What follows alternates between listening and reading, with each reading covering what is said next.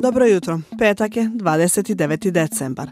Ovo je podcast Šta ima, ja sam Una Čilić, danas je sa mnom i Sjene i kolegica Aida Đugum. A evo šta ima u Bosni i Hercegovini i svijetu. 1, 2, 3, 4. Hitna sjednica predstavničkog doma parlamenta BiH održava se sa jednom tačkom dnevnog reda. Predlog zakona o izmjenama i dopunama izbornog zakona Bosne i Hercegovine. Predlagači zakona su poslanici stranke demokratske akcije. Jedan od njih je i šerif Špago koji o predlogu kaže.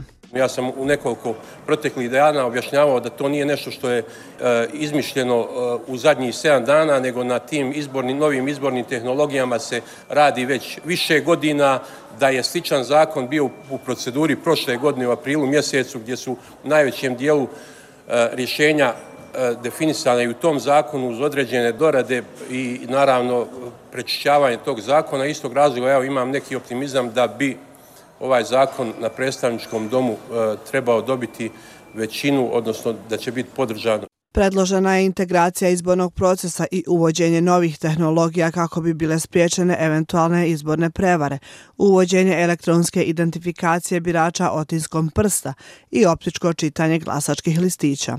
Osim toga, ispriječavanje zloupotrebe biračkih odbora, tako da biračke odbore bira Centralna izborna komisija BiH putem javnog poziva, a da stranke mogu imati maksimalno jednog člana. Ovo je posljednja prilika da parlament usvoji izmjene izbornog zakona i ispuni zahtjev visokog predstavnika Kristijana Šmita, koji je parlamentarce pozvao da do kraja godine usvoje izmjene ili će i on nametnuti. I vlada Federacije BiH zasjeda danas u Sarajevu, ali o detaljima šta će razmatrati saznaćemo kasnije tokom dana. Tako da sve informacije možete pratiti na slobodnaevropa.org. a u Sarajevu se otvara Art and Light Festival 2023.